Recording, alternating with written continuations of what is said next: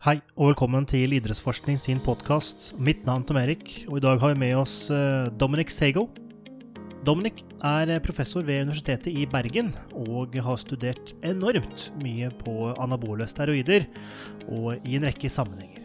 Annet eh, forekomst, og hvor mange som bruker det, hvem er det som bruker det, eh, hvordan er bruken internasjonalt og nasjonalt, samt hvilke linker kan dras opp uh, mot dette med anabole steroider. Er det slik at uh, de som har flest tatoveringer, er mest aggressive uh, og har andre markører som bruker anabole steroider? Eller er bildet litt mer nyansert enn som så? Er du interessert i anabole steroider og litt sånn bakgrunn på hvem som bruker det og hvorfor, så er dette episoden absolutt for deg kan også meddele at episoden er på engelsk. Og med det så ønsker jeg deg en god lytting. Welcome, Dominic, to our uh, podcast. How is everything? Thanks, I'm doing great. It's nice to join you guys on my first podcast. I hope we have an exciting conversation. I think we're going to have a very exciting uh, conversation. Um, well, this is my first first podcast in English, uh, doing the host uh, hosting uh, of it. So this is going to be very interesting. You're doing good so you far, Tom. Well done. Yes, I thank you, disagree. thank you. I need some positive feedback during this uh, podcast. no, just, just joking, just joking.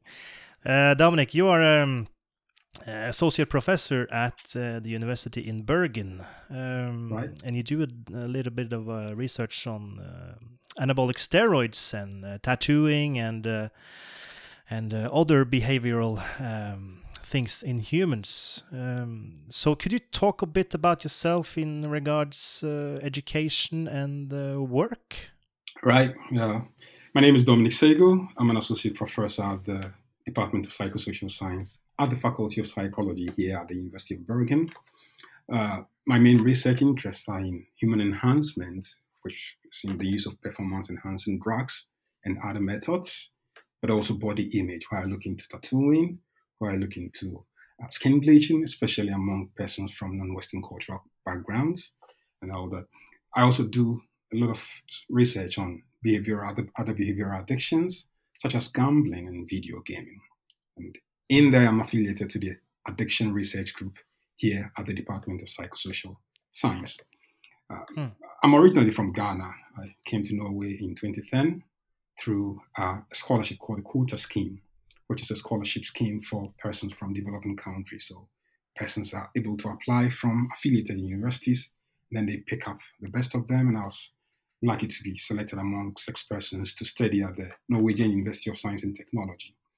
I came mm. into Norway with a Bachelor of Arts degree and also a Master of Philosophy degree, both in psychology from the University of Ghana and I came in to study for a human development uh, master of philosophy, which is essentially about placing development or human development in specific cultural and community contexts.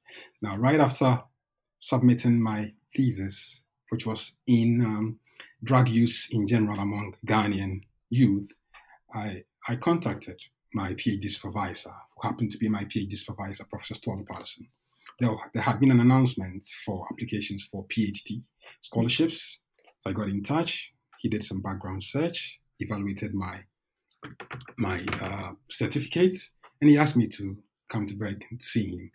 We came, I came, we, we met, uh, we had an interesting conversation, and he mm. uh, uh, supported me to apply for my PhD scholarship. So I hmm. applied. Mm. I got it. I came to Bergen in 2012 to start my PhD. I eventually did a bit of postdoc research, and then I got I finished my PhD in 2015, and I was appointed an associate professor in 2016, and the rest mm. is history. Nice, very nice. So, uh, you said about um, having a background in arts and philosophy. Wasn't that correct in your um, master's? Yeah, so that's a master of philosophy. So mm. we have a master of arts, which is an MA degree, which many people take for just about a year. Doesn't have much of research involved. For the master of philosophy, okay. it entails lots of research. So you do the classroom work for one year, and you do uh, research for one year, which ends with a thesis. And then you are awarded a Master of Philosophy degree. Yes. But, I, by, but, but for my bachelor's degree, I majored in psychology and I minored in mm. philosophy. So philosophy has always been interesting to me. Mm. Mm. Absolutely. Tom Erik, just to give you context, yeah. in England, for example, most PhD students start with what's called an MPhil, like a Masters of Philosophy. Yeah. And most PhD students go on to finish a PhD, but you'll see some people have got an MPhil, and often that's maybe when they've decided to go in a different direction and not finish a PhD. Ah. Yeah. So just to build on, just to build on Matt's point, you end up with a Master of Philosophy and if you do the PhD, the PhD is actually for a doctor of philosophy. Mm, right. So you right. graduate from a master of a master philosopher to a doctor philosopher at the doctoral level. All right, all right. I understand. Uh, but uh, from Ghana to Norway, uh, was Norway a, um, uh, a conscious choice or was it a bit random? I must say Norway was actually a conscious choice. I mean, I, mm. I could have applied in Ghana. Once you graduate, you have there are many scholarship offers. You can apply for a Chevening scholarship. There are the Commonwealth scholarships. There are several scholarships to many other countries. But mm. From my investigation and from my discussion with many other persons, those scholarships were were quite difficult to attain from an objective standpoint. Just to to put it in a in, in a in a euphemistic uh, context or in a euphemistic way. Norway's was solely based on competition, so the best were selected. So my point was that I'm going to apply to Norway. And Norway was actually the only place where I applied to because I believe that the system works and that the applications were going to be analyzed on an objective, in an objective manner. And luckily I got it to study in Trondheim. So it was actually a conscious choice, actually. But but I, I can also say that I, I did a little bit of research on Norway in terms of the Human Development Index, in terms of the Happiness Index, in terms of the nature, in terms of independence, of standardhood, and all these kinds of values that Norway has. And in terms mm. of hmm. personality, and I thought that it's actually there's actually a good fit in terms of my personality and the mm. Norwegian context. So Norway was actually a motivated choice. It was an intentional choice. I, I really wanted to come to Norway. Wow. Yeah. Cool. Yeah. Very cool. Mm. So, uh, if I understood you right, you sort of identify with uh, Norwegian values and culture uh, based on uh, these uh, terms you said. Yeah, very true. That's accurate. I, I mean, my personality, oh. I'm, I'm, I'm, I'm outgoing, but I'm the quiet, outgoing type. You know, and yeah, and in terms of to put it in, a, in, a, in another context, also, my the only thing I wanted to do was to be a Catholic priest growing up. So I attended ah. the seminary to be a mm. Catholic priest. But when I started the seminary, where my mom actually used to work in 2000, she passed away. Mm. So after passing away, I had ideas about, well, I don't think I can pursue this priestly vocation. I want to go into mm. academia. One of my uncles guided me and advised me to study psychology back in the University of Ghana, psychology and philosophy. Okay, so yeah, that's how I got into so, and from that perspective, in terms of a person who's aspiring to be a Catholic priest, where you go for mass every day, where you are taught about being kind, where you're taught about being humble, you see those values reflecting the Norwegian context, humility, mm. right? So it was actually a conscious choice, and perhaps um, it may also be something that may be a divine intervention.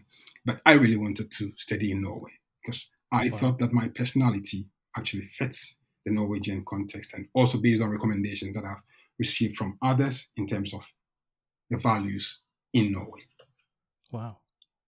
Wow. This is the most interesting eight minutes I've ever had in my life. yeah. Yeah. Uh, just uh, now, uh, this uh, a bit of a saying in Norway, I guess. Um, you live in Bergen now, and Ber- uh, uh, I don't know, what Bergensere, yeah. people in Bergen, yeah. basically, yeah. native people, they are they're not the classic Norwegian, I guess. They're a bit uh, loud and proud and. So yeah. Okay. Well, do, do you do you see that um, different from uh, Trondheim to Bergen? Not really. I don't see that. Ah. But the difference I see, actually, as I said, in terms of moderation and humility, actually, in terms mm. of my personality, fits in with the Bergen system. I should say that studying in Trondheim, Trondheim is quite a student city. It's Mm. quite calm and relaxed, and the pace is quite slow. You compare Trondheim to Oslo, and you see that the pace in Oslo is quite different. It's loud Mhm. and it's fast, speedy. Mhm. Bergen appears to be a blend of Oslo and Trondheim. Not that Mm. fast, not that slow. And that's my kind of personality calm, Ah. relaxed, and confident. So, just as you asked, again, it's, it's, it's really the Bergen context actually really fits my personality. And that's one of the things that I also think keeps me in Bergen because it's my personality fits in and blends in really well with Wow. the cultural and the social context in Bergen. Mm, mm. Very interesting. Very very interesting. Um, uh, all right. Um, regards to your research, uh, you talked a little bit uh, about it uh, in the start. Um, when I look at your research profile and see anabolic steroids, uh, tattoos, um, not basically tattoos, but research on tattoos Yeah, and behavioral, sure. um, you you seem to me that you are uh, interested in people, um, different uh, population of people who do not maybe extreme things, but do uh, things that are a part of a sort of minority. Yeah.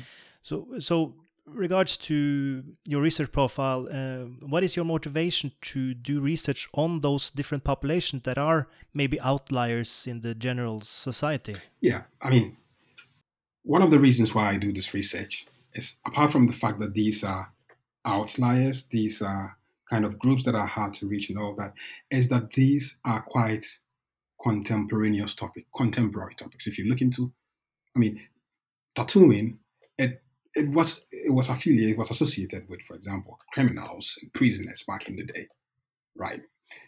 But tattooing is no longer restricted to these groups. Tattooing has become quite popular. It's a normal thing now, it's widespread. For example, in our research, we found that one out of four Norwegians has a tattoo. So it's not something that you would affiliate to specific subgroup. It's widespread now. It's been normalized in a way. But apart from its normalization, it's also very contemporary. People are trying to use their bodies as, as canvas to express themselves in a way in order to remind themselves of happenings. When people have tattoos of persons or relatives or significant others who have passed on, they are trying to keep them not only in their memory, but on their skins, on their bodies, in a way. So it's very contemporary, it's quite modern.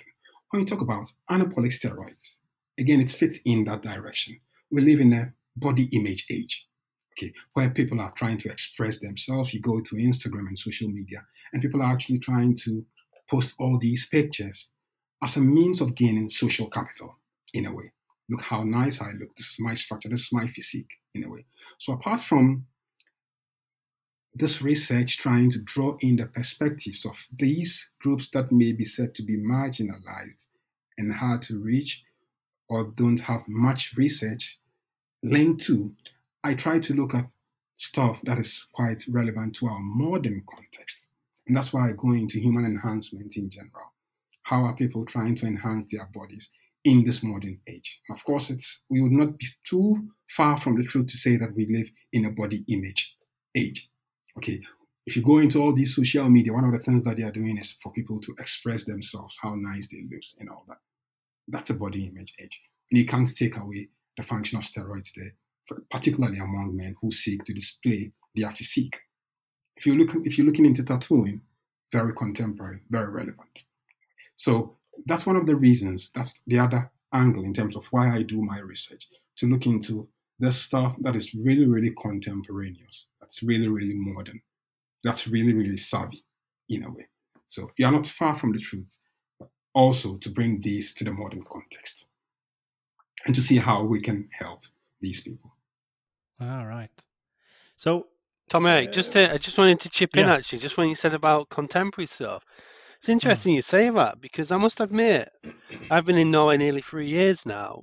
I'm a Mhm. bit surprised how frequently I see students with tattoos compared to, I mean, mm, it's, it's everywhere in England, But students, not so much, especially sports students. I feel like I see quite a lot of tattoos here, actually. Now that I've thought about what you've said, Dominic. Well, and that's actually talking about the readily visible tattoos. No, uh, the readily visible tattoos, the tattoos that are readily visible on people. Okay, but even if you go into actually the easily concealed tattoos, you would find a higher prevalence. Many more persons are trying to go for. I mean, they are hardworking. They want to go and work. They want to go for interviews and get employed. And they sometimes know, especially in other contexts, they know that having a readily visible tattoo can lead to stigmatization and can harm your chances of securing that job that you want.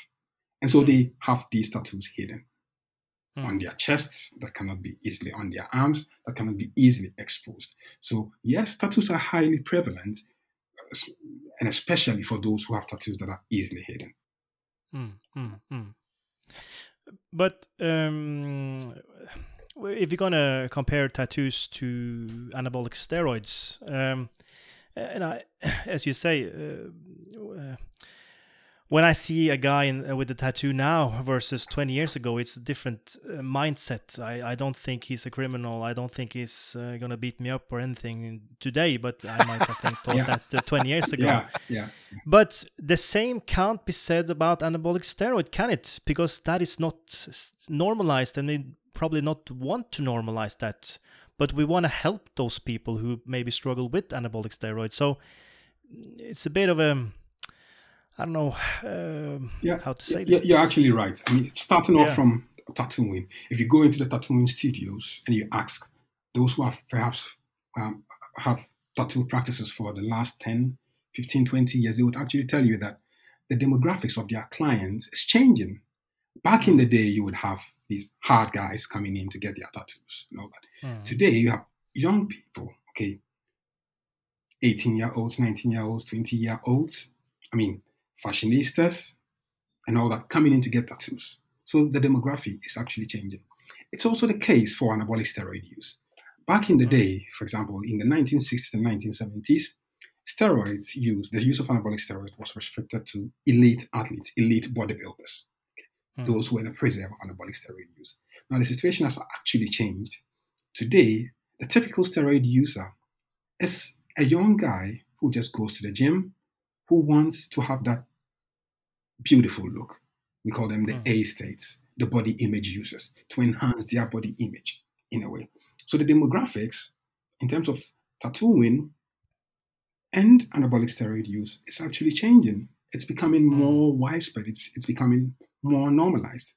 And of course, we can have a link there, which is not been very much studied. So in Norway, we sent out a survey where about 15,000 persons participated. We examined whether they had, for example, um, this is a larger data set, but in this analysis, we tried to examine whether there's a link between having a tattoo and having used anabolic steroids. And when we did the analysis, the persons who had at least used anabolic steroids at least once were five times more likely to have a tattoo. So there's Mm. actually a strong link between tattooing and anabolic steroid use, especially for males. Okay, and of Mm. course, it's quite it, it makes sense. We see all these guys who are muzzled up, who have these huge tattoos on them and all that. And of course, Mm. sometimes you cannot help but think that okay, I don't think this musculature was achieved naturally, and I also think that perhaps this person also looks, uh, uh, this person also has a tattoo. So intuitively, you come to associate the tattooing and the musculature, but there's a lack of empirical research here that has to be examined. Why is tattooing linked to musculature or muscle building? Of course, once a person has that nice sculptured body, he or she or they would want to decorate their bodies. And what better decoration than a tattoo? This is research that we are would, would continue to do, and perhaps also others can explore further. Which uh, paper is that, Dominic? Okay, so the, the title of the paper is Prevalence and Correlates of Tattooing in Norway. It was published in the Scandinavian Journal of Psychology. And if any of the listeners can actually email me, Dominic Sagoe, you search for my name, you'd find my email I can send you a copy. But if, if, if you, it's out there. We published it, uh, I think, two years ago. It, it's very interesting, um, and I've also observed that uh, also through the literature and and basically through life uh, regarding the anabolic steroids and the usage that uh, it's more uh, broad now and more people use it or in terms of uh, different population, not only athletes. And um, I also uh, saw your study, the uh, prevalence, the global prevalence based on, uh, you know, um, uh, continent, uh, what type of people, age, yeah. and gender, and these stuffs. Yeah. And I find it very interesting that it also was the highest prevalence in the Middle East. Yeah. Wasn't that correct? Yeah, it's the Middle East. And if you if you compare that to the Scandinavian, because you also have a study on the Nordic countries, is uh, is there different there, and and and why is that different? Do you think?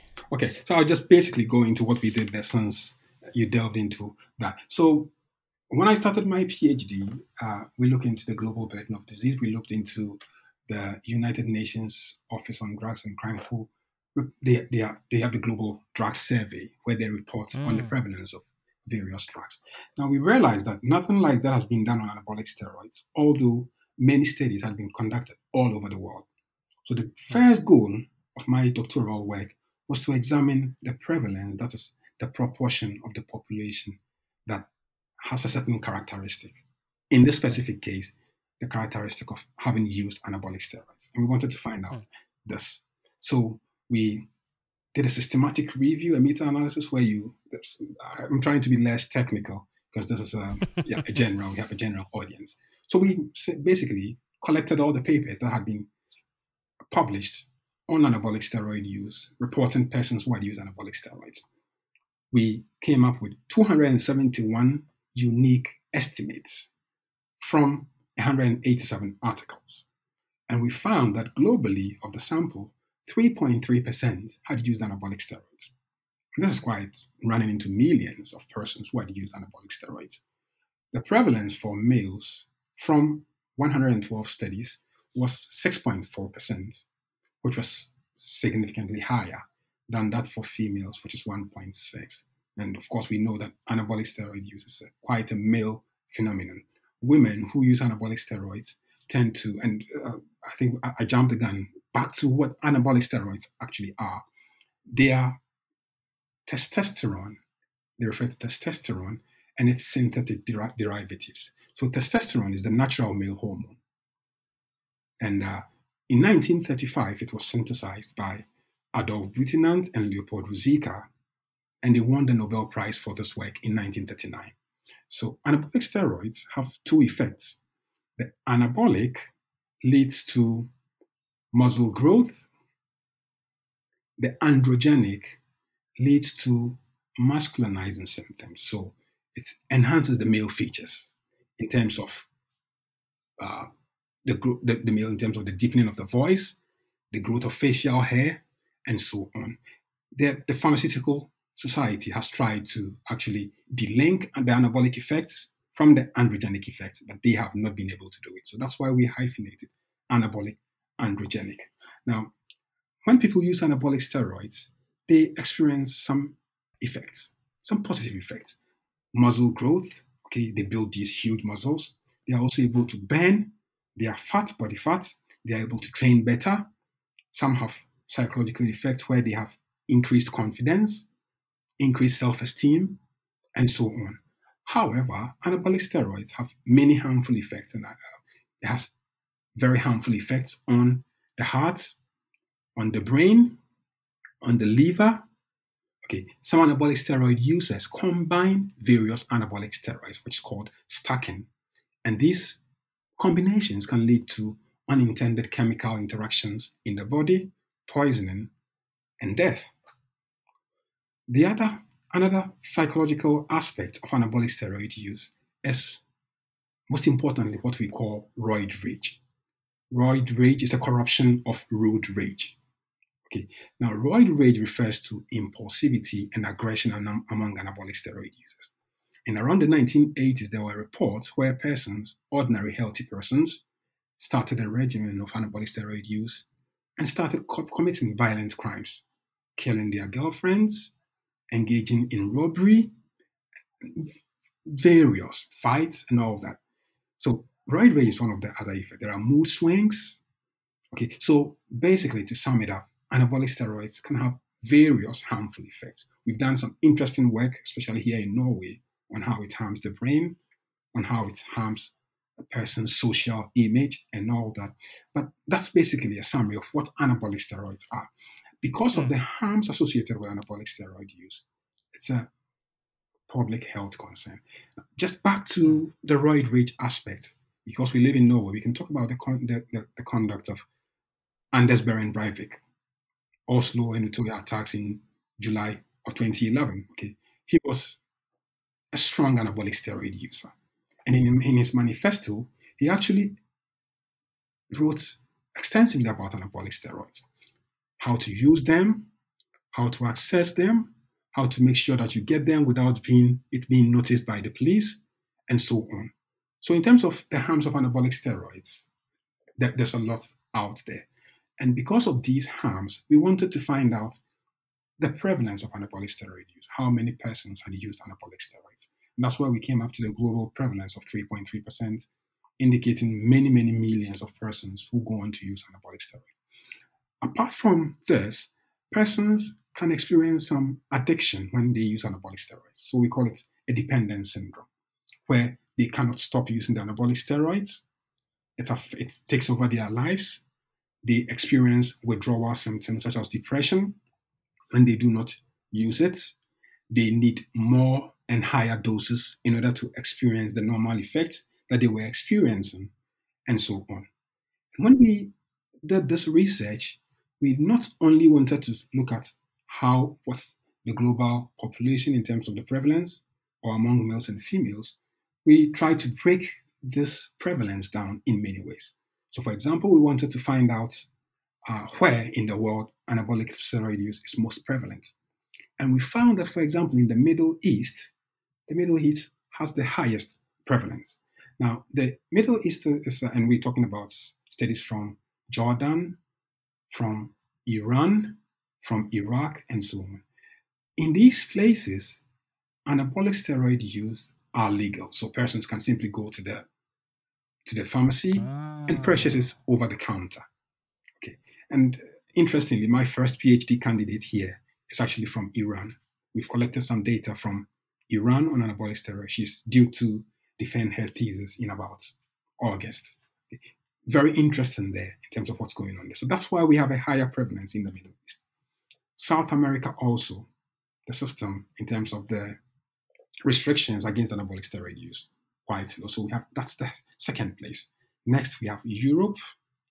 We also have North America, the USA, Canada, to Australia, New Zealand, Oceania, Africa, and Asia. Now, you talk about, you ask the question about the, the differences in prevalence between the Middle East and in Europe, specifically in Scandinavia. I mean, in the Middle East, as I've talked about, the the restrict. I mean, it's these are legal substances that people can simply purchase out over the counter. And that explains why we have a higher prevalence. In Europe, uh, we and in North America also, the restrictions against anabolic steroids or the illegalization started in 1990, where we had the Anabolic Steroid Control Act or the Steroid Trafficking Act of 1990 in the United States. We also have the passing of the Acts preventing the use of certain doping substances in Sweden. And ever since, we've had several other uh, laws passed against the use of anabolic steroids. But in the Western context, Western cultural context in general, we have a long history of defining masculinity with muscularity such that the more muscular you are, the more masculine you are. You can search out any of the, for example, in Scandinavia, the in Scandinavian mythology, a picture of Thor. Mm. Okay, and you find huge muscles with a sex packs, very well defined. Okay, in the Western cultural context, a long history. If you look at many of the Greek sculptures and the Roman sculptures, you will actually find these well sculptured there. So there's a kind of social system which reinforces the attainment, uh, the attainment of masculinity through muscularity. And this is one of the factors that leads to this association of high prevalence of steroid use with Europe and North America and the Western cultural context in general. Unlike places such as Asia and Africa, if you look into some of the Asian paintings of the gods, you find them very slender and slim. Actually, putting on clothes, you don't see any of the muscles. In Africa, we have similar similar case. So the disparity in the prevalence in between Western context where we have high prevalence and non-Western context where we have low prevalence can be a tradition of body image differences where we have the Western context with defined with muscularity, the non-Western, the, non, the non-Western context defined with less muscularity. Mm. But studying wow. this study, we also wanted to find out the types of which groups of persons are using anabolic steroids in terms of the literature that had been published. And we found that actually the highest prevalence, the persons who are using anabolic steroids are what we call recreational sports people. Recreational sports people are ordinary guys who just go to the gym to exercise to build up themselves. Okay. Now, this is interesting because previously it was thought that anabolic steroid use is a preserve of elite athletes in the 1960s and 70s, most steroid users were actually elite bodybuilders. In terms of the steroid use and its spread, one of the one of the pivotal points is in the 1954 weightlifting championships in Austria, in Vienna, where the Soviet team doctor, in a conversation in a chat as we are hanging out like this with the, the team doctor of the Americans, said, Well, our athletes are actually juice and they got some juice and this juice makes them perform better. So the Americans mm-hmm. actually found this, they discovered it, they took it back to America, and the elite bodybuilders started using it. Of course, we find that they, it was quite effective. Now, in the medical community, one thing they did was that no, this doesn't work. But of course, those who were using it could see the effects. They could see the muscles enlarging and they could see the fat burning. So this led to the use a high use of, of anabolic steroids among these elite athletes, these elite bodybuilders, until the, mm. the, there were laws and the, the, there was the passing of the doping acts and the prohibitions against the use of anabolic steroids in sports. And so the idea was that the use of anabolic steroids is restricted to elite athletes. However, as we have transcended or trans, transitioned into the modern age, what I, which I call the body image age, many persons, young guys, uh, just go to the gym, they buy steroids online, they use them just to achieve the ideal body image in order to be able to flex. Most likely on Instagram, if you go to look at steroids, the steroids hashtag on Instagram, you'd find these expressions. If you go to TikTok, Facebook, all over. Again, so the typical steroid user is no longer an elite athlete. The typical steroid user is a recreational person, a person who just exercises. Another interesting subgroup there, of course, was the athletes who were the next highest prevalence, and we can understand they use anabolic steroids in order to enhance their performance in sports.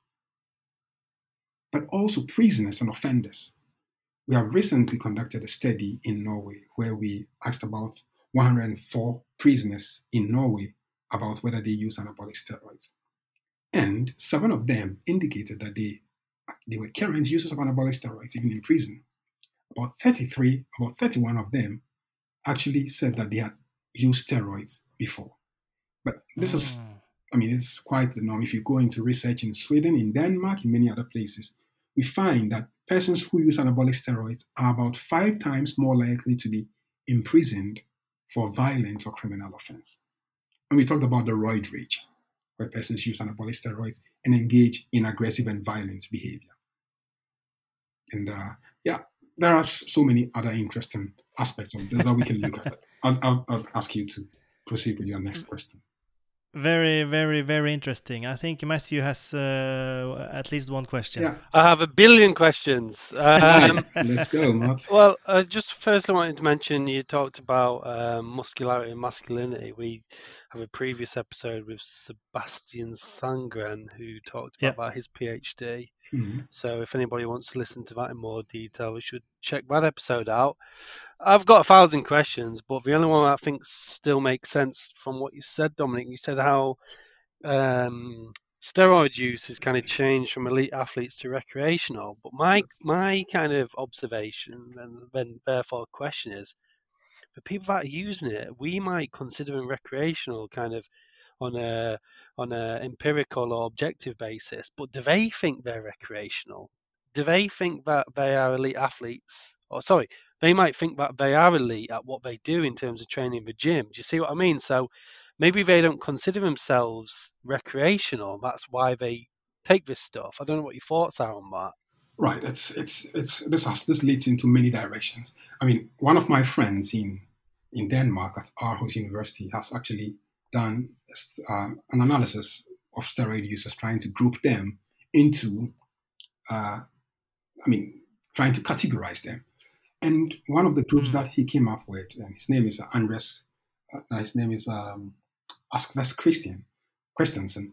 And one of the groups that he came up with is the expert type. The expert believes that he or she is an expert on anabolic steroids, knows about the harms, knows about the risks. Another direction here is that steroid users, many of the steroid users, actually, as you, as you suggested, do not consider themselves as recreational sports people.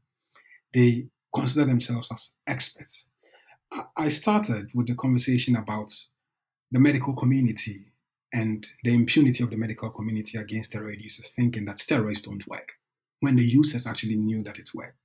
From that time, there has been a kind of distrust or mistrust between steroid users who think that the medical community knows nothing about, about anabolic steroid use. So they would not actually go to them when they experience issues. It's, we can extend this in many directions. But the other aspect of this, in terms of um, this mistrust, in terms of the, the, the harms that it comes where persons are not able to seek help for the steroid use, is that can you can you repeat your question? Matt? Matthew? Yeah, yeah. Um, I was just saying when you mentioned that steroid yeah. users move to recreational yeah. users rather than just elite athletes, my yeah. point was I don't think these people we would say as, as kind of academics recreation. I don't think they consider themselves recreational. That's that's actually true, and I'll I'll tell you this. I mean, I when you talk about steroid users, one of my colleagues at the Manchester Metropolitan University, his name is Jim McVeigh, calls them a sentinel population.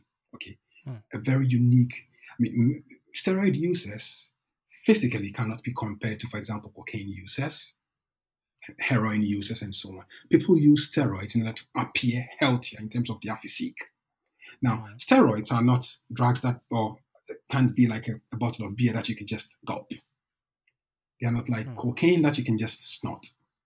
To use anabolic steroids, you have to do your research. You have to know which kind of steroid works for you. You have to know about the dosage you have to know about how to inject properly if you are using injectable steroids. You have to know about the number of weeks, the cycles that you have to go on to, and so on. And actually, if you look at the demographics of steroid users from Australia all over the world, consists of medical doctors, pharmacists, top athletes, university uh, staff. I mean, back in the day, for example, many university professors wouldn't go to the gym. Today, many of them go to the gym who fall into the recreational sports people category. Some of these use anabolic steroids. So, back to your point, whereas we may consider these people as recreational sports people, there are many of them who actually categorize themselves as the expert type, as my friend mm. Christensen likes to put them. Mm. So mm. you're actually right. And it's, this has implications in terms of access for healthcare in terms of stigmatization, harm hmm. reduction, and so on. So, so that's actually true. But are, are the expert type the um, uh, the person that uses the most or most frequently? I'm not sure that they have. The expert type simply believes that they know they have knowledge on how to use anabolic steroids and how to, mm. I mean, uh, dim, minimize the harms. the YOLO type, you live, you only live once. That's another subgroup mm. anabolic steroid. Yeah, they they are like, okay, I only, I live only once, and they take a more uh, lenient approach in terms of use and also the risks involved. There, there are various other categories, but that's the point: is that many of these persons believe that they are actually more knowledgeable in terms of steroid use, in terms of the regimen, in terms of the ancillary drugs, in terms of access to steroids themselves, they do not also trust the medical practitioners. And so they are more, they are less likely to actually access medical medical care if they are experiencing any issues with their steroids. And in many instances, when they access healthcare, they do not disclose their steroid use, which has implications in terms of the drugs that they are administered. A drug can be administered which may actually have an unintended chemical interaction, which can lead to death and other uh, harmful harmful effects. Mm. You talked a bit about uh, the prevalence being higher at uh, men. Um, if you look at you have also mentioned social media. I also mentioned hashtags, and if you look at uh, the hashtags, um, one particular has been researched. Uh, "Strong is the new skinny," uh, regarding females on Instagram, and um, and um, females do, engaging more in strength training and getting muscles and getting doing squats, deadlifts uh, all over, doing more male activities. If you look back, do you think that the prevalence um, with the usage of anabolic uh, steroids is going to increase uh, with this? Uh, I don't know uh, muscle focus uh, in the females. That uh, that you know with the, with the increase of muscle focus at the females, also will increase the usage of anabolic steroids in females. Intuitively, there's a link between the use of anabolic steroids and the exposure to social media there's kind of a reinforcing effect there, a bidirectional effect there. But of course, the point is no drug is more effective in for muscle building and the burning of body fat than anabolic steroids. So we are we are seeing a trend where many women are going on to use anabolic steroids simply to build up some muscle, but also burn the body fat that they have. Mm, the point yeah. is that, as we mentioned, the use of anabolic steroids is less prevalent among women compared to men.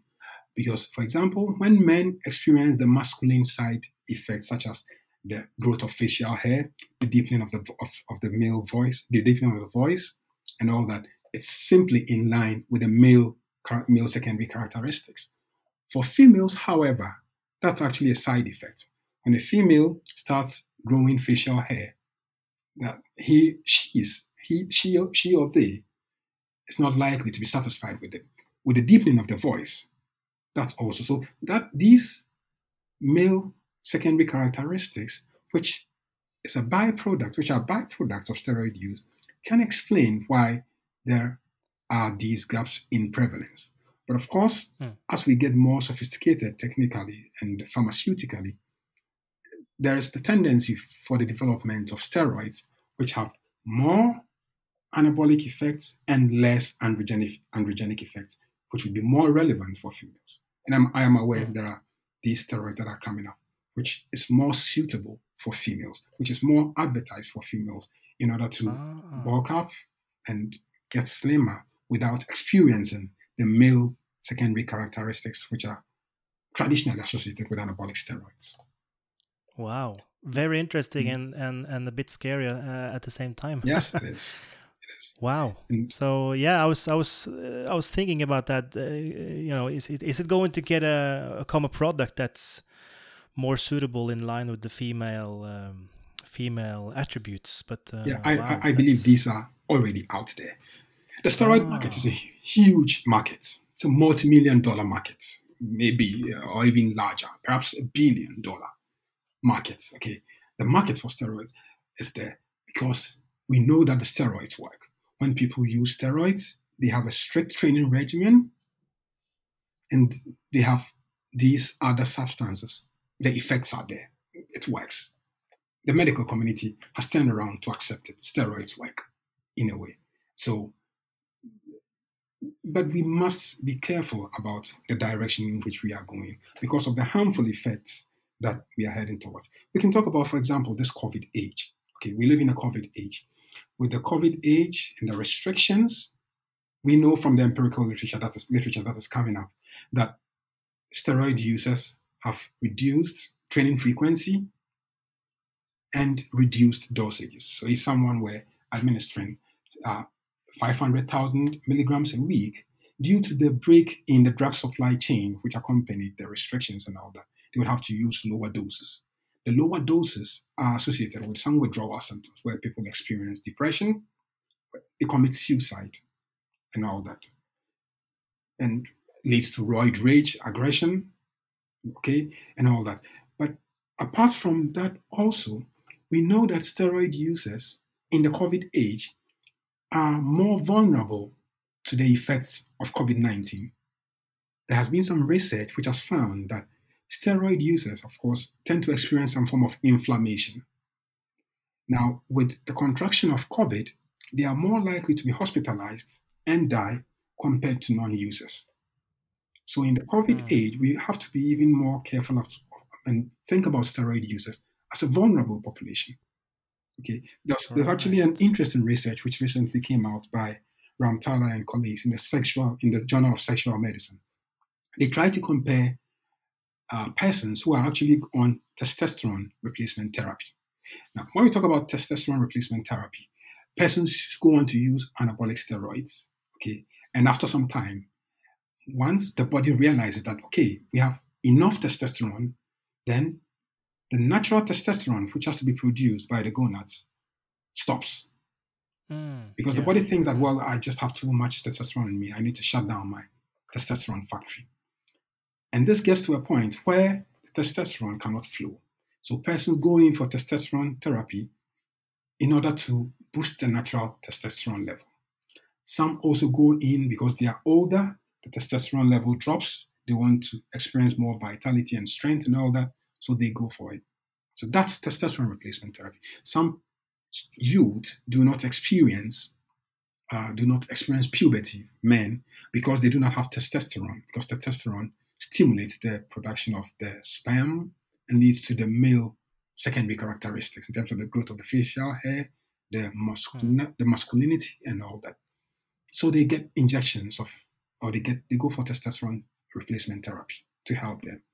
Now we are finding out, they found, this group of researchers found that actually uh, the persons who were on testosterone replacement therapy had more cardiovascular diseases, they had more diseases with of the liver, various other mental issues and all that.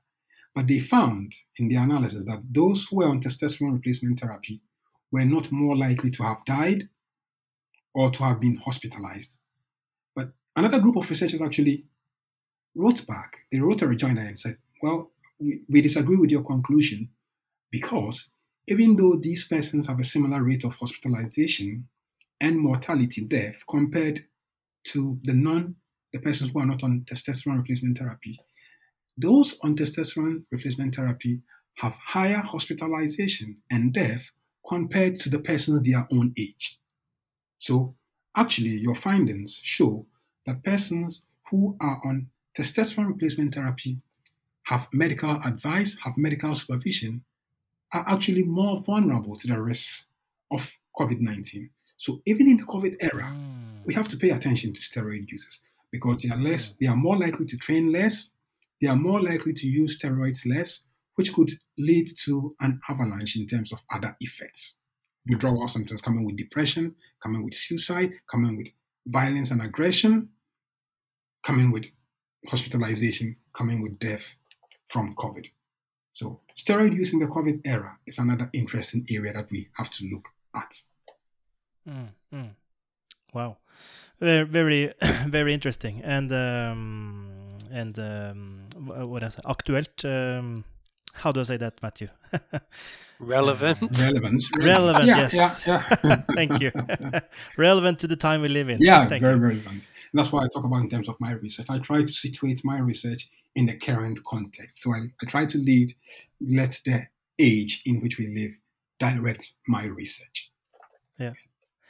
I want to go a bit back uh, back on the um, the term uh, roid rage. Yep. Uh, you talked a little bit about it um, because uh, when I grew up uh, or grew up, um, you know, we all we all were told that oh, if uh, you know big muscles, uh, maybe acne on the back, uh, stretch marks yeah. Uh, between the biceps and the pectoralis, and all the and maybe a tattoo or two, and, and all these other things. You know, oh, but they probably use uh, steroids, and they're probably gonna be uh, beating you up if you get close because they're so aggressive. Are you obsessed with people and, beating you up? By the way, Tom Erik, where yeah, yeah, yeah. I, I, have a bad a, bad fantasy when it comes to examples. Yeah, but, yeah. but that's also that's also another thing that we talk about in terms of initiation steroid use persons yeah. who have but, yeah. but but before you, you go, uh, Dominic, right. I just uh, want to finish my my uh, ingress or what do you call it. Uh, um, but when I got uh, to be a student, I also had um, some uh, lectures about anabolic steroids and the sociology behind right. it or the behavior behind right. it. And that researcher said that uh, he was following both professional and amateur bodybuilders, mm. and he looked at uh, behavioral patterns and um, if, if it could be linked to usage of anabolic steroids. And he said, yeah, there are correlation. You can get a correlation between it, but I can't really find the causation, like the cause, uh, cause and effect, which if you start using anabolic steroid, you get aggressive. And he said that those people who get aggressive are probably aggressive from the start yeah. before they use anabolic steroids. So, um, you know, where are we uh, at uh, today? What's the what's the I don't know the answer today yeah. on that uh, question? So there's been interesting research trying to look into the relationship between anabolic steroid use and aggression. Mm. From starters, we know that persons who use anabolic steroids tend to, for example, have some troubled background.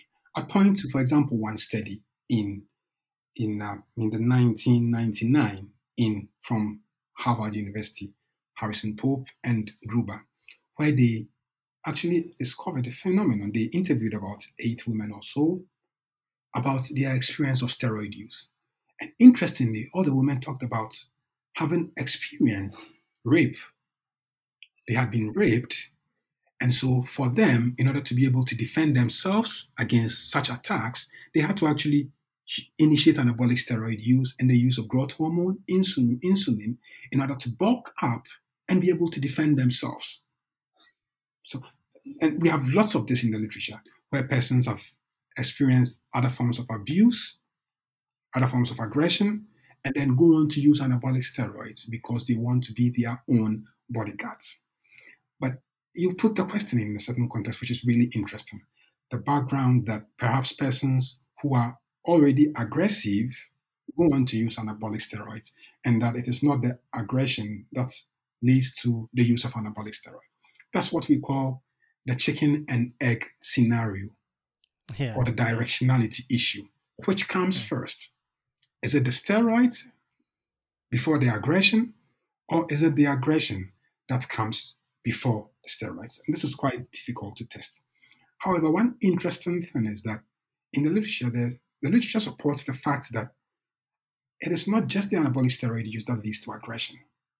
It is the use of anabolic steroids and other drugs, alcohol, cannabis, clenbuterol, ephedrine, and this is what we call polypharmacy. And steroid users, just to, are notoriously polypharmacists they don't just use steroids, they use all forms of drugs. And we have published extensively on these substances. They use, for example, growth hormone and insulin to bulk up, to enhance the effects of the anabolic steroids.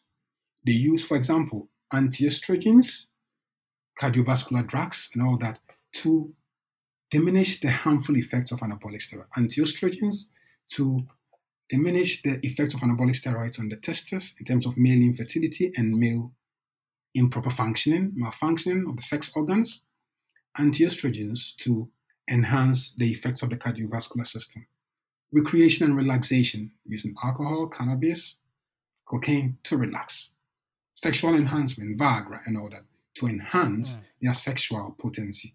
Because another func- another aspect of muscularity is sexual functioning right? So they use all these forms of drugs. Now, it is this combination of anabolic steroids with these drugs, which has been found to lead to the aggression. Mm. So it is not just about the anabolic steroids. Of course, if you are, if you you use anabolic steroids, you bulk up, you're masculine, you combine it with some alcohol, with some cocaine, with some cannabis, mm. you are more likely to uh, to evaluate even a non-aggressive tendency as aggression, and then to take an aggressive route in terms of action, in a way. But one of the interesting findings on, on aggression and anabolic steroid use is a study that we recently published, our latest study. So we try to examine this question. Does the use of anabolic steroid use, does the use of anabolic steroids lead to aggression? So we we search for randomized control trials. When we talk about randomized control trials, they are the they are used, for example, for testing the effects of drugs. They are used to test the effects associated, I mean, whether there is a causal relationship between one factor and another factor. In this specific case, let me just say that we try to examine the randomized control trials, examining the relationship between the administration of anabolic steroids and then aggression. So these were healthy persons. We found 12 studies of healthy persons, ordinary guys with no underlying syndromes, mental health syndromes, who had been administered anabolic steroids. 12 studies of about 560 persons. And we found that actually, if you administer anabolic steroids to healthy persons, they tend to self report ex- experiencing aggression. So we found that anabolic, the use of anabolic steroids actually increased aggression in these healthy persons. Okay. And this work was led by my PhD candidate. I must credit her for the fantastic leadership on this work. So, anabolic steroid administration in randomized control trials actually leads to increased aggression, actually increases aggression in healthy persons. Now, the thing is that the randomized control trials are very strict. Okay, they are very strict. You can't, for example, go apply for ethical clearance for a randomized control trial where you administer 1,000 milligrams of testosterone to anabolic steroid users. And many anabolic steroid users administer 1,000, 1,500 milligrams of testosterone per week. To put it in context, the average testosterone produced by the body is about 60 milligrams. So these persons are administering to themselves over 30, 40, 50, 60 times the naturals, the male, the, the, the, the, the body's natural amount of testosterone produced per week. Mm, so mm. the studies that we actually analyzed were actually limited in the amounts they used. Now, so if you are to go into the real world of steroid users, where they're administering 1,500 milligrams, where some of them have personality disorders, where some of them have mental health issues, you can't understand why we have that prevalence or level of aggression among anabolic steroid users.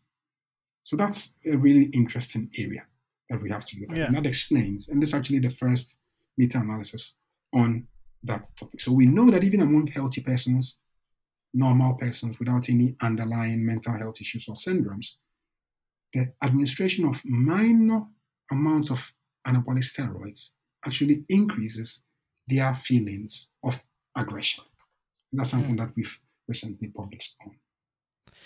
In these in these studies, uh, when the participant got uh, got injected and um, steroids, the, um, did they know they were getting injected with steroids? And if they did, could could it be a bit about? Uh, I'm not trying to, uh, I don't know, um, disprove your study, but it's it's sort of like this uh, Rosenthal effect. Yeah. This um, sure, uh, subject expectancy. You, you expect to get. Right.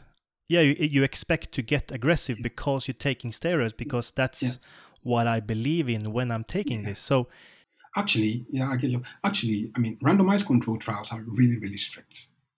Okay, in what they do, they they try to be very strict, and all the studies that we had we actually included were double blind randomized control okay. trials. So those given, so some of the participants got placebo, others got anabolic steroids, and of course, both the experimenters and then the participants or the subjects had no idea what they were getting, in a way.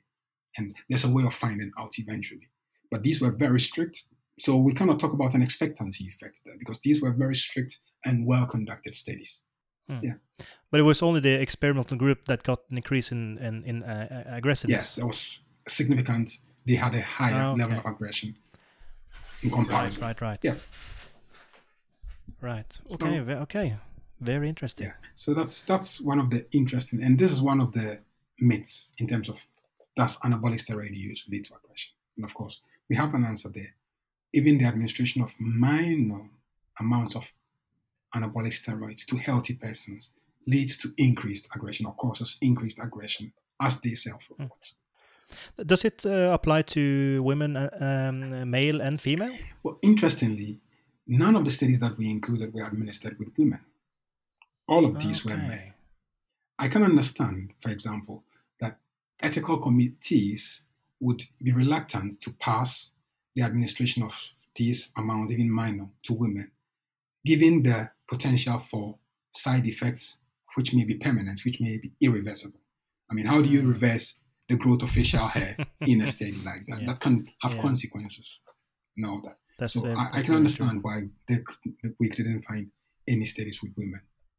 Yeah, yeah. But you can, of that course, expect a similar effect since men and women tend to have similar physiology.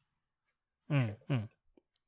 Uh, Matthew? Based on everything you've been saying there, right, I've been thinking about this pretty much all the way through this uh, conversation. It's pretty big question, this. But Dominic, right? Do you think you could put yourself in a position based someone with your expertise, if you maybe like lived with somebody for a week without taking any kind of measures of blood, based on what you said about tattoos and behavior, do you think you could get a, a pretty good idea of whether somebody's a steroid user without having to actually measure anything in their blood? Well, you may suspect, but that's difficult. The only way of finding out is through empiricism, through testing, in a way. It's it, we can have an you can as uh, as uh, Tom suggested, you can have this kind of ex, you can it's possible to uh, have this kind of expectation or perception, but mm. as a scientist, if you put me in a box, I would count on empiricism. I'd like to see the evidence first. Okay, that, yeah. that's a good answer. It's not the one I was expecting, but still a good answer. Yeah. Okay, okay, but I, I want to ask it again. Like maybe, I suppose what I'm saying is like, yeah, obviously you should collect like solid data, but mm-hmm. I'm maybe thinking from the, I may be thinking from a perspective of say uh, potentially someone who's a teacher in videregående or a teacher at higher education or somebody who maybe works for anti-doping. Yeah. I'm not saying use it as like the a conclusive method, right? But do you think there's some like behavioural and there's some visual signs that make you think, hmm, I think they potentially in the user group. Yeah, it's you could base you could base yourself on the, the characteristics of, of some of which we've mentioned already, some of which Thomas already mentioned, in terms of the prevalence of acne, acneiform lesions. That's that's a giveaway. Muscularity. But for example, since you, you you give me a room to examine, if you go to look at, for example, the Mr. Universe of 1952, uh, that's Juan Ferrero. Okay, that Mr. Universe is if you walk through Bergen Centrum or any other cosmopolitan, any other city, you are more likely to come across many of these guys. Now, the current Mr. Universe is Lee Sung Chu, and if you see him, you know that this is the guy. So that's, I mean, based on muscularity, you know that some amount of muscularity cannot be achieved without without resort to steroids, insulin growth hormone, polypharmacy, and stacking. So that's a, a dead giveaway. I mean, if you if you let's say let's uh, Rich Piana, one of the famous steroid users, very muscular. If you saw him, you would realize that this is a steroid user. Okay. If you go into the Mr. Universe context and con- test and you look at the, pe- the person who's participating, those kinds of muscularity cannot be achieved naturally. So those are dead giveaways. You know that there's a history of steroid use there or ongoing steroid use there. So based on mus- masculinity, based on muscularity, you can have a guess as to who, as to whether the person is using steroids or not. Okay, the acne, the tattoos, the behaviors in terms of dominance, all those are dead giveaways. But the best tests, as I previously provided, in order to avoid prejudice and stigmatization, would be to actually do some testing to find out the person's amount of uh, testosterone. I mean, whether the person has actually used anabolic steroids in a way, the testosterone to epitestosterone ratio specifically. So, yeah, there are some kind of behavioral features that from the research would be a giveaway.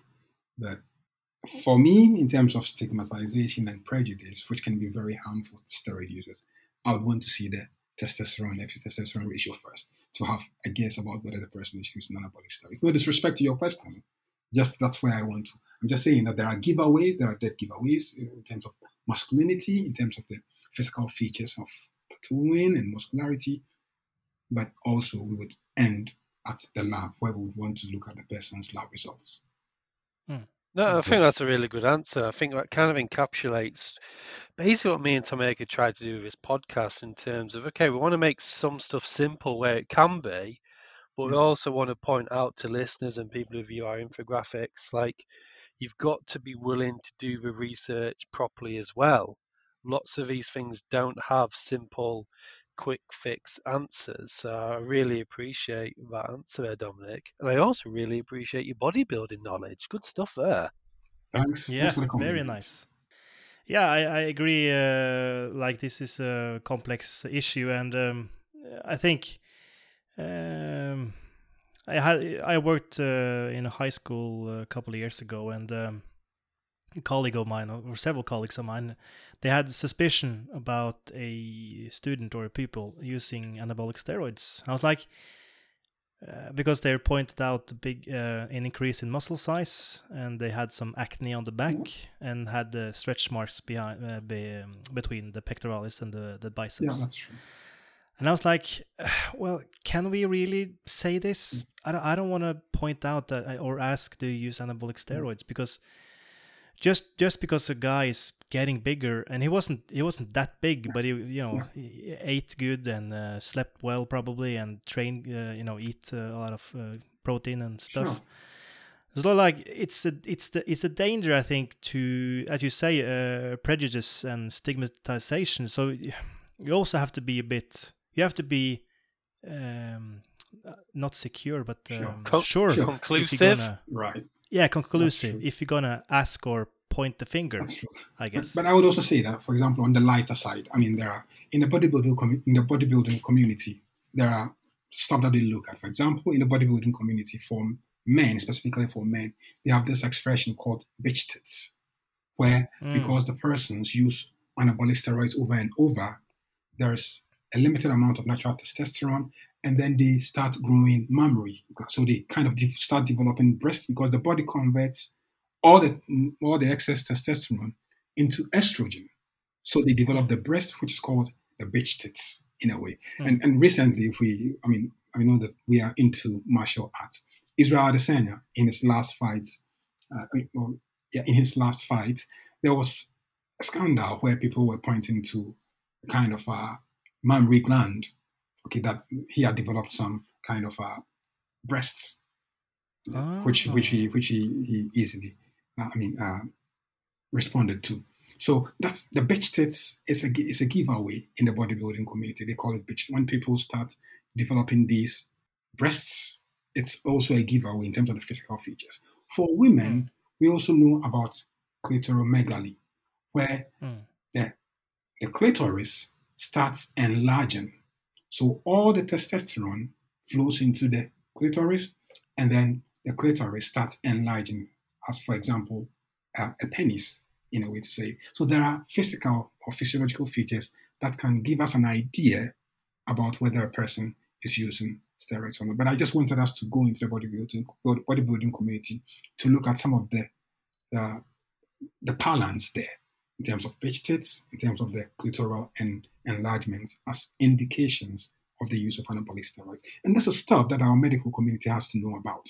So if you're a medical doctor and a person shows up with these features and is complaining about depression and all that, you have to actually think about this. If you are more knowledgeable about steroid use, as we are trying to teach more medical students about, it should lead you to know that this person is not only there for treatment for depression or whatever he or she or they come to get, but they may be using anabolic steroids.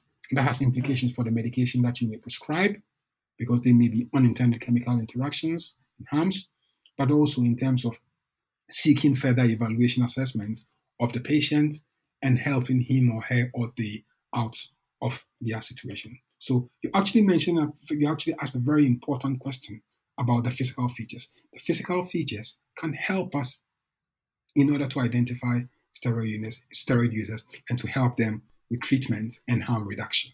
Mm. Bitch, bitch tits is gynecomastia, right? Oh, yeah, bitch, are they two yeah, separate that's, things? That's, that's gynecomastia.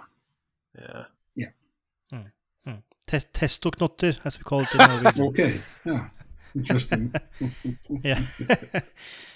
um, yeah, very, very interesting. Um, I want to touch on um, a bit of a um, uh, more on the countryside and the and the government. Um, when you compare, um, I think we and Matthew had the discussion when we had Sebastian Sandgren on, uh, the guy about the muscle dysmorphia. Mm. About uh, in Norway, we have this uh, Rent Senter, a clean center. Yes. It's an anti-doping yeah. campaign. You probably know about yes. it, yeah. And uh, Matthew said to me like, "What? Why? Why do they care? Who cares if a 16-year-old uses uh, drugs uh, or uses anabolic steroids?" So like, it comes down to Norway has um, you know, public sector is big. Uh, the government has a lot of um, uh, pulls the threads on a lot of different uh, laws and policies, and uh, the government has a big control on the on the people, which is, in my opinion, is a good thing. But that's maybe another topic, yeah. uh, which isn't uh, that that prevalent in in England. Mm-hmm. Can, can, yeah, but uh, can I just say you've you've slightly misparaphrased me, Tom? All right. Okay. Well, you've made it a bit more sensational. you, are right, but I suppose what I was really getting at was like I just was like amazed that Anti-Doping Norge spent mm resources educating mm. in schools. For me, I was like, what? Yes. That's just really unheard of where I'm yeah. from. Yeah. Just to correct you a little bit, mm. Tom Erik. Yeah. yeah. So, so in that sense, um, do you think that is? Um, uh, does the, these things make a difference on the prevalence of usage of anabolic steroids in Norway versus where the government has less control? Yeah. Well, I think I've, I think I've read something uh, on the steroids, the, the, prevention process in Norway in terms of the REN training, where they actually mm. ascribe uh, emojis to training centers, which actually cooperate in terms of the prevention, so they can be random testing to find out whether persons are using steroids there or not, and it has consequences. And I, I read somewhere that it was quite effective in a way. But apart from that, we have also tried to, in because I, I do some collaboration with Anti-Doping Norge, and I also serve on the World Anti-Doping Agency's Doping Prevalence Expert Group. So we have tried in Norway to actually try to prevent anabolic steroid use. So we implemented a simple study, simple but complex study, where we had three groups of students, about 200 of them. We split them into one group that had nothing, one group which in classroom, that in the classroom got lectures about steroids and doping and the harmful effects, another group, that the third group, which got this classroom tuition about steroids and the harmful effects, but also got practical strength training. So they, they, mm. they, were took, they were taken to the gym and taught about how to train well in order to achieve the desired effects. We compare. Is this the Hercules program? That's the Hercules program, yes. Ah, yes. right. And we actually found that for the students that got the classroom training, the classroom lectures, but also the the, the gym training in terms of good gym practices and bodybuilding techniques, they Mm. experienced a higher strength training self-efficacy where they believed in their ability to exercise well. Okay, so they, they, they, they had that benefit and they were also more satisfied with their muscles. And this is a good intervention because when people are satisfied with the muscles that they have and they know that they can train well, they are less likely to use anabolic steroids. And, and we've actually extended this study to Norwegian prisons, about seven prisons of about 104 persons, where we tested them before they got this intervention and after. And we found a similar effect. They were more likely to say no to the use of doping substances. They were more likely to be satisfied with their ability to train. Mm. And they were more likely to, uh, they had higher physical strength. So, higher physical strength, higher strength training self efficacy, and they were more likely to say no when provided doping substances to use. So, we see Mm. the importance of combining not only lectures, but also practical strength training in the prevention of the use of doping substances. But still, Mm. in your question, you mentioned about uh, who cares whether people are using anabolic steroids. Now, Mm. as we, we discussed in the initial stages, I, I love podcasts, and I've watched podcasts, for example, the Joe Rogan Experience, where this famous bodybuilder, Ronnie Coleman, was on. Yes. And Ronnie. Coleman says, hey, don't do steroids. I have Mm. my back stitched. I have all this. So, guys, eh, eh, you talk about interviews of the late uh, Rich Piana, Matt Mm. Fraser, who is a famous CrossFit athlete. And they talk about the fact that they go to the gyms and they see all these teenagers, um, I mean, bulking up and injecting and swallowing these steroids. And they talk to them, guys, this is not good for you. So, actually, the persons who have experienced perhaps some side effects from using steroids are actually very much concerned, especially for, for example, for these young teenagers, if they go on to use anabolic steroids, the body's natural production of testosterone shuts down. Mm. They can have delayed puberty, they can have harms on the brain, not only on the brain, but also in terms of their thinking, the cognitive functioning, which can be permanent. So there's there's a lot of concern, not just in Hmm. generally, but also more among persons ex-steroid users or older persons who have used anabolic steroids. Hmm. Yes. Hmm. Mm. More experienced steroid users, I should summarize. Yeah. Can I just say then, I can maybe eat my own words and go back on myself. I suppose what I've learned, well, not learned, but you've kind of confirmed through this conversation that it is a public health issue. And I suppose steroid use potentially doesn't just harm the person who's taking them, hence why it's a public health societal issue. That's, Would that be correct to summarize? That would be excellent to point out, and we've made this argument. Let's look at, for example, the the issue with Anders Behring Breivik. Okay, look at the harm, and we we know that the, the survivors of Oslo and Utoya bombings and killings still experience some amount of post-traumatic stress disorder. Mm. That's not just a harm to themselves, but they are also a burden on society in terms of provision of healthcare, provision of medicine. So steroid use, as you point out, that's just an example to point out that steroid use, steroid users, or the harms of steroid do not actually pertain to the individuals. It also pertains to the larger society. Let me make a point about uh, one argument that is proposed by one of the most famous persons in this field. His name is Harrison Pope, who works at the McLean Hospital at Harvard University. And he makes the point that, of course, the spread of steroid use from elite athletes into the general population started in about the 80s. Okay, so if someone were, let's say, 20 years in 1980, that person may be hitting their 50s and 60s now. Okay, so it is now that we are going to see more of the harms associated with steroid use. Many people experiencing cardiac arrest and dying. Many people engaged in criminality.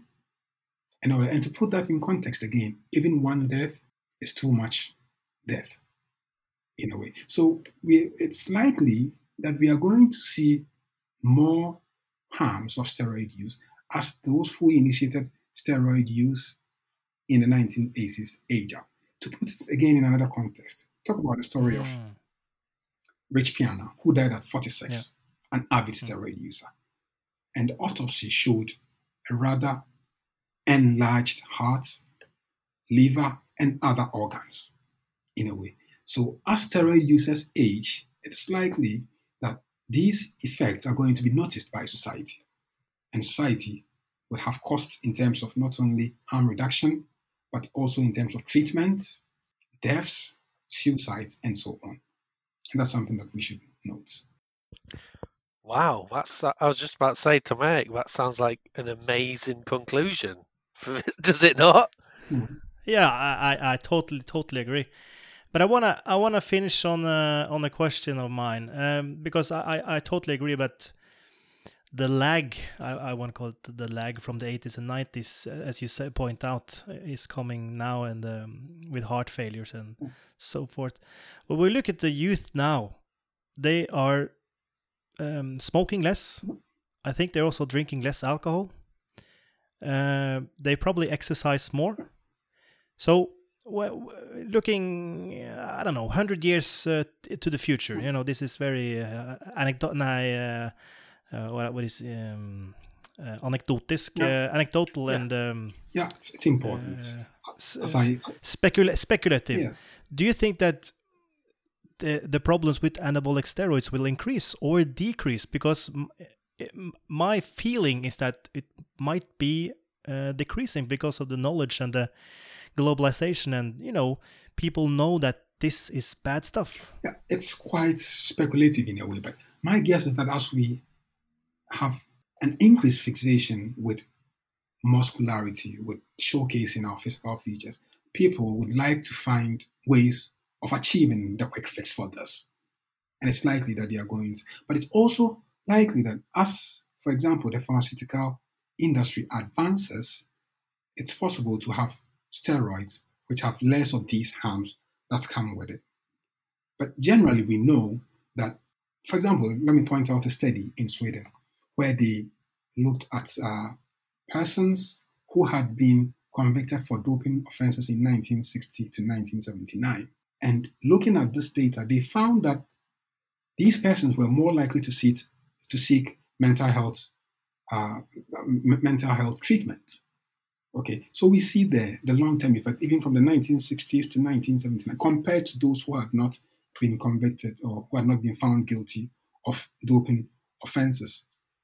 There was also cases, research in Sweden, and Finland, showing that these persons who had been who had been found guilty of using anabolic steroids in the 1960s and 1970s were more likely to be dead compared to those who had not been found guilty of doping offenses. So even many, many years later, 20, Ah. 30 years later, we can see these effects manifesting. Higher risk of death, the odds ratio of over five, okay, five times more likely to have been dead compared to those who had not been convicted of doping offenses, specifically of using anabolic steroids. So uh, the, these effects are, are likely to be more discoverable as this group or the cohort of initiators of steroid use age. So that's something that the healthcare system must pay attention to and plan against. I totally agree. And uh, on that note, I feel like we have covered uh, an an ocean of knowledge uh, about anabolic steroids and tattoos and uh, personality traits and um, what to look for and maybe not look for uh, if um, when it comes to people who use anabolic steroids and be be careful not to be too conclusive. And uh, yeah, it's been a been a pleasure, Dominic. I don't know. Uh, have you? Do you feel like you we touched upon uh, what you wanted to touch upon uh, regarding uh, to our talk? Well, we've talked about a lot, or from the social psychological perspective, from the community psychology, from the sports perspective. I just like to give this message that people should appreciate themselves, love themselves. Beauty comes in many shapes, it comes in many sizes, it comes in many colors, it comes in many flavors. So just love yourself. You don't have to go the extra mile of using these substances in order to enhance your body image. Love yourself, take good care of yourself, and be confident in your current posture. So that's my message to our listeners. And I've totally enjoyed this conversation. Perhaps we can take it to another lake on another day. All right, Dominic. Um, if people want to um, uh, read or uh, read about you or your research um, on the social media, where are you on social media? Right. First of all, I start off with ResearchGate, where you can access all my published articles. That's Dominic Sagoe. Search for Dominic Sagoe on ResearchGate. You can find me there. On Twitter, you can find me on Sagoe Dominic. And uh, on uh, Instagram, I am Dr. Sagoe, S-A-G-O-E. Yeah. Perfect. So these are the social media handles that you can reach me on. Yeah, and we'll also uh, put uh, the the um, the links down in the description below. My email is available by searching Dominic Sagoe on Google. Perfect. You find my university email. Perfect. And uh, it's been a pleasure, Dominic, and thank you for taking time uh, in your life to talk with us uh, on this uh, interesting and uh, important uh, topic. You're welcome, guys, and all the best for the podcast.